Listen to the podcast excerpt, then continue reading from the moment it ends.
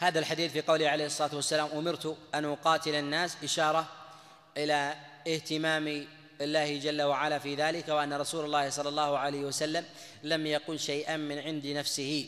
وفيه لفتة مهمة وهي أن رسول الله صلى الله عليه وسلم يستعمل هذه الصيغة بقوله أمرت وهذا هو الأصل في افعاله فإن افعاله تعبد وأوامره وحي. عليه الصلاة والسلام. ولكن يخص بعض الأوامر أنه مأمور بها على سبيل التخصيص لعظم وقعها على الناس خاصة ما يتعلق بأمور ازاق الأنفس وأمور الجهاد. ولهذا ينبغي للإنسان في الأمور العظيمة أن يبادر بذكر مستنده من الدليل حتى حتى لا يقابل الناس تشكيكا في هذا الأمر وتزهيدا في أمره وحيطة ودفعا لوساوس الشيطان. ولهذا رسول الله صلى الله عليه وسلم خاطب الصحابة عليهم رضوان الله تعالى بهذا النص إشارة إلى أن الأمر هو رباني التنزيل وهو أمر من الله جل وعلا مما يقتضي مما يقتضي التسليم. لهذا ينبغي للمؤمن الا يورد المسائل العظيمة خاصة فيما يتعلق في أمور الفتنة والأمور المتشابهة كلاما مرسلا بل ينبغي أن يأتي بالأدلة ظاهرة وأن يبين أن هذا هو أمر من الله وينبغي التسليم. ثم بعد ذلك يأتي بالأدلة من كلام الله عز وجل وكلام رسول الله صلى الله عليه وسلم أمرت أن أقاتل الناس. قوله عليه الصلاة والسلام أمرت يعني أن الأمر متوجه إليه ويدخل من تحته من باب من باب أولى. فإذا انصرف الأمر إليه فيدخل من تحته من باب من باب أولى من أتباعه من الصحابة وكذلك من اقتفى أثره من التابعين وأتباعهم بإحسان إلى إلى يوم الدين. أن أقاتل الناس. المقاتلة تكون بين اثنين. كل منهم يرغب قتل صاحبه. وأما القتل فهو مبادرة من واحد واعتداء على غيره. فيقال تقاتل فلان وفلان ولو لم تزهق نفس. وقتل فلان فلانا إذا أزهق نفسه في الأغلب. وقوله عليه الصلاة والسلام أمرت أن أقاتل الناس حتى يشهدوا أن لا إله إلا الله. المراد بالناس هنا هم الكفرة وأطلق الناس الاصل في ذلك في هذه العبارة إذا أطلقت في سطه أهل الإيمان أنها تشمل المسلمين. ولكن أطلق رسول الله صلى الله عليه وسلم هذا الأمر للفهم للفهم لمعناه بظاهر السياق. أن أقاتل الناس حتى يشهدوا أن لا إله إلا الله. وأني رسول الله.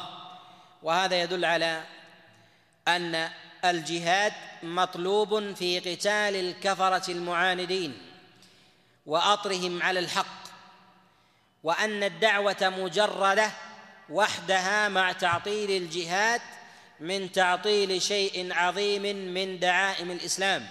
فرسول الله صلى الله عليه وسلم ما أقبل الناس عليه إلا لما رفع السنان والسيف. ولما أقبل الناس عليه بعد ذلك ظهرت ثمر ثمرة ذلك فانخرط أصحاب رسول الله صلى الله عليه وسلم في هذا في هذا الأمر.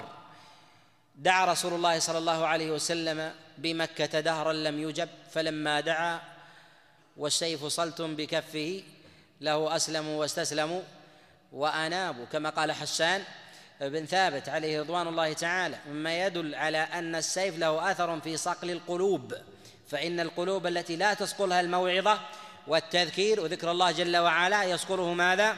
يصقله السيف والرهبة فيكون عليه ران فيطير ذلك الران من رهبة من رهبة السيف فيدخلون في دين الله جل وعلا. لهذا لما رفع رسول الله صلى الله عليه وسلم السيف في قتال الكفرة والمعاندين جاء الناس افواجا إلى رسول الله صلى الله عليه وسلم ممن لم يكن معنيا برفع السيف خوفا من يأتيهم ذلك ذلك الأمر وهذا يكون في حال القوة والعزيمة واشتداد أمر الإسلام لا في حال في حال ضعفه وليس لأحد قليل أن يقاوم وأن يقاتل الكثرة المتضافرة. لهذا رسول الله صلى الله عليه وسلم كما جاء في الصحيح في حديث يأجوج ومأجوج ونص عليه الصلاة والسلام أنهم يفسدون في الأرض. قال قال الله جل وعلا لا يدان لي بقتالهم.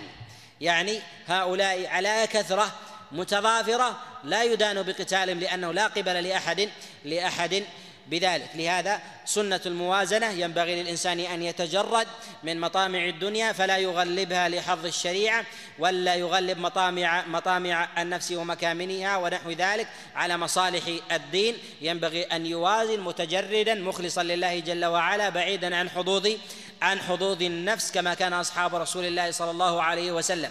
فإذا تجرد الإنسان وفقه الله جل وعلا إلى مراده.